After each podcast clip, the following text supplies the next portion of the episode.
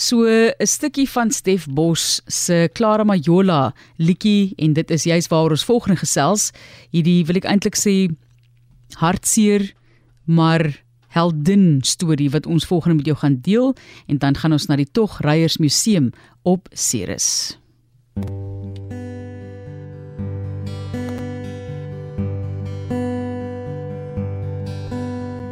Clara Majola wou haar vader wat blind was toen die schemerzak gaan haal. Daar waar hij die hout verzamel, maar Clara Majola het verdwaal. Verdwaal in die donker van die schaduw van die bergen en verdwaal in die winter in die kou. Zij kon die pad niet terugvinden, niet, was moeg en het gaan slapen. Klein Clara Majola lef verkluim in die bokkenveld, ze bros kapot. Haar arms en benen bruin en krom getrek so se wingerd stok.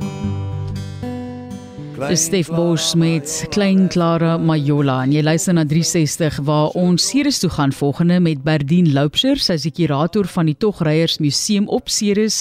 En kunstenaar Pieter de Villiers is in die ateljee. Ons praat oor die standbeeld van Clara Majola wat hy in opdrag van die museum geskep het en die naweek onthul is. En ek sê baie welkom aan beide van julle. Berdien, hoe gaan dit op Ceres vandag?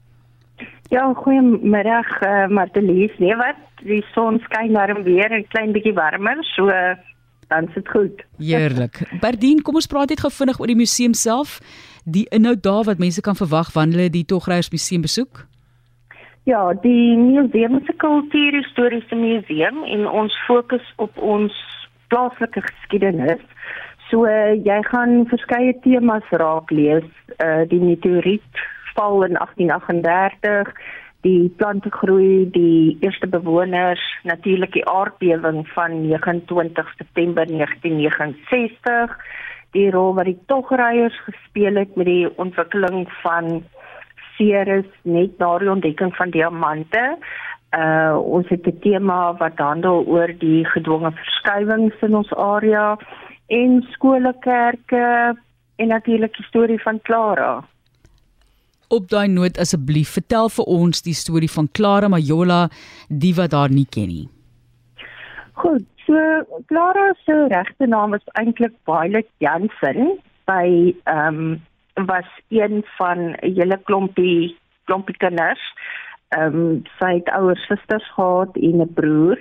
Nou haar pa was Majola en in die volksmond het sy toe nou of die bynaam eintlik gekry Clara Majola en van daardie af het, was dit die naam wat gebly het.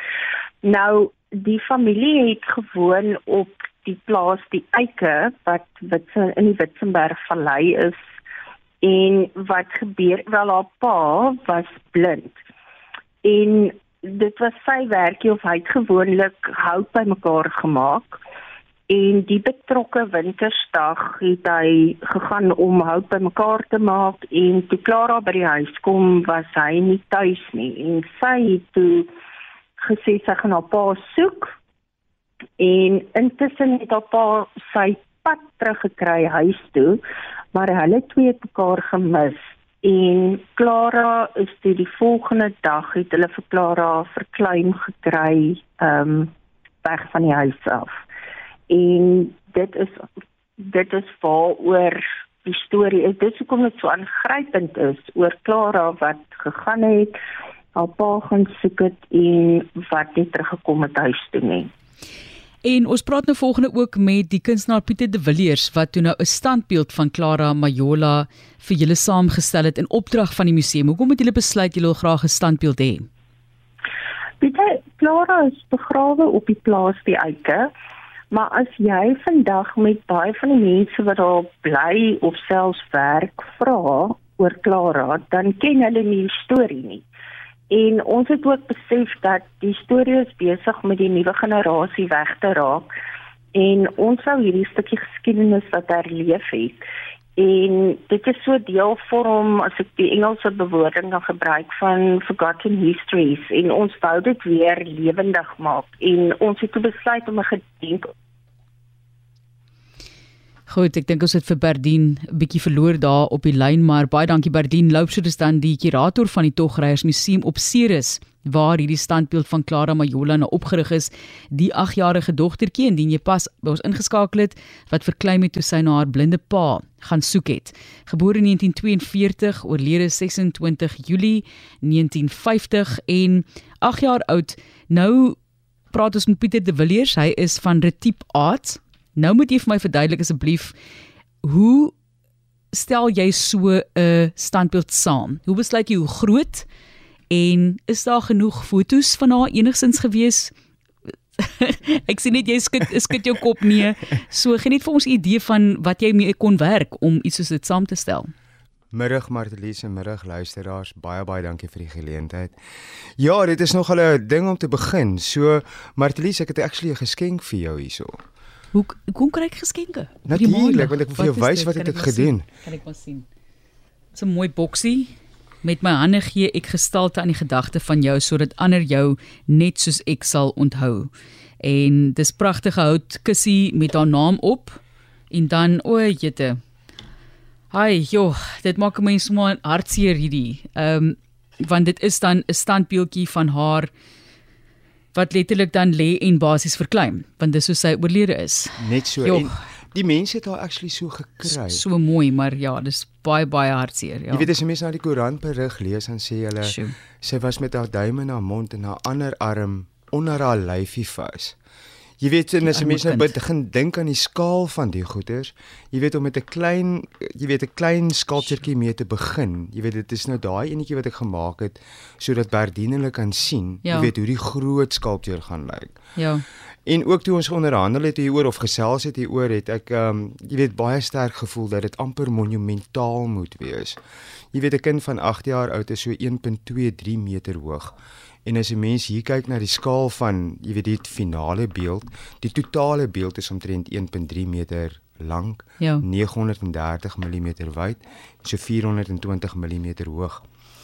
Ehm um, daar is net 'n klein weergawe. Klein, klein, klein. Dit maar dit moet monumentaal, jy weet monumentaal wees. Ja, so, weet, so hoe groot het jy gesê is die is die groot ene? die wat jy nou opgerig het. So as Clara sou regop staan, as die beeld sou kon regop staan, is hy oor die 2 meter lank. Okay. Soos jy weet dit moet 'n indruk maak. Jy weet ook wanneer jy haar sien lê, jy weet daar waar sy voor die biblioteek is met jy kan sien, jy weet van die verkeerslig af. Jy ja. moet kan sien dat sy 'n indruk maak.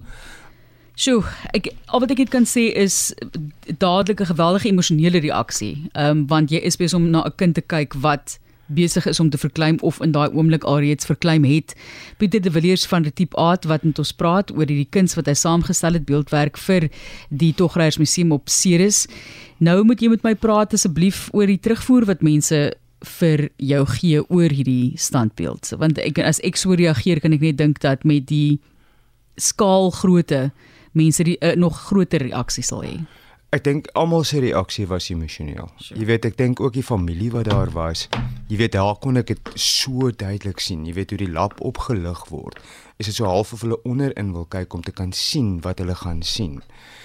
Um ja, so dit is emosioneel. Jy weet, dit, dit is hartseer. Dit is heartwarming ook om te weet dat iemand in haar goedheid na haar vader sou gaan soek het. Jy weet daai tyd van die jaar, daai tyd van die aand jy weet en daar's ander verantwoordelikhede. Die ma moet kos maak en al hierdie dinge en dan staan Klaraatjie op en sy sê ek sal my pa gaan soek. 8 jarige ouderdom. Dit is hier op RSG en hierdie inspirerende verhaal van hierdie jong dogtertjie van 8 jaar oud soos wat ek nou gesê het. En kom ons praat net gevinnig oor wat jy gebruik het om haar ek wil eintlik nou sê ek jy weet maar dit voel nou so verkeerd maar weer lewendig te maak vir mense. So praat met ons oor die materiaal asseblief. Sjoe, ek het absoluut heeltemal moderne materiale en oudtydse materiale gebruik. Ek het ehm um, eers begin deur haar uit polistireen uit te kerf. So ek het 'n geweldige groot blok polistireen daar neergesit en ek het alles weggevat wat nie klaar is nie. Die tweede fase wat dan gebeur en ek het omtrent so die, uh, amper 12 dae het ek permanent, jy weet, weggevat wat nie klaar daar is nie. En dan begin 'n mens om klei op te sit. Dit is die tweede fase. Met ander woorde, dan kan ek nou fyner detail insit wat ek nie kon reg gekry het met die kerwerk nie. Ja. En ehm um, toe dit klaar is, 60 kg klei, het ons begin om die mal te maak, 25 kg latex, 40 kg resin. En nadat dit alles skoon gemaak is en reggemaak is, het ons gereed gemaak vir die giet van die beeld. En ehm, 'n um, fenominale 320 kg nê. Nee. Sjoe. Dis amper onmenslik om daai net op te kan tel en te kan skuif. Ja. Maar wat 'n ervaring, verseker. So hoe het julle haar geskuif en neergelê? Met hande goed gedra. Gedra, ja. fisies ja. met hande. Daar's nie plek gewees om met toerusting in te gaan nie, ook nie waar ons al gegiet het nie. Um en ek is baie baie dankbaar vir die gemeenskap van Botrivier wat actually net saam met my kom staan het en hierdie projek net lewendig gemaak het. Ek het mense gehad wat vir my rollers gebring het om die klei uit te rol. Um ek het mense gehad wat vir my toerusting aangedra het om te kan kerf. En dan is daar mense wat net eenvoudig hande arbeid kom gee. Jy weet, kom lig, kom skuif, kom tiep om. En dan lê die beeld reg voor jou. Wat 'n emosionele oomblik ook. Jy weet wat bedink wat dink jy beteken so 'n storie vir mense, mense se gemoed vir 'n gemeenskap byvoorbeeld? Daar is meer waarde daaraan net as die herdenking van een enkele persoon se lewe. Wat dink jy beteken dit? Wat 'n voorbeeld stel dit vir ons as Suid-Afrikaners? Wow. Weet daar is so baie mense, Martelies wat nie gelukkig is in hulle eie omstandighede nie. Daar is soveel mense wat seer het. En dan kom hierdie klein 8-jarige Clara Majola Violet Jansen. En sy kom verander ons geskiedenis deur om te gee. Jy weet en dit is daai storie wat 'n mens vir almal wil vertel. Ja. Iewers is daar iemand wat nog steeds omgee. En ons moet die helde en die heldinne van ons eie stories word. Jy weet ek dink dit is die inspirasie daarvan. So mooi gestel Pieter de Villiers, dankie. Hierdie is so spesiaal. My nou regtig geraak vandag um, en die boodskap binne-in ook. Dit is Pieter de Villiers van Retiep Art wat hierdie standbeeld van Clara Majola saamgestel het en dit was 'n opdrag van die Togryers Museum op Ceres. Baie dankie Bardien Loupser wat ook met ons gepraat het oor die werk wat hulle daar doen en hierdie pragtige standbeeld.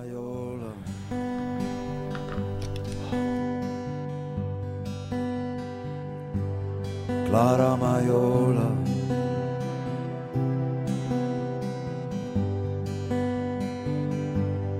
Clara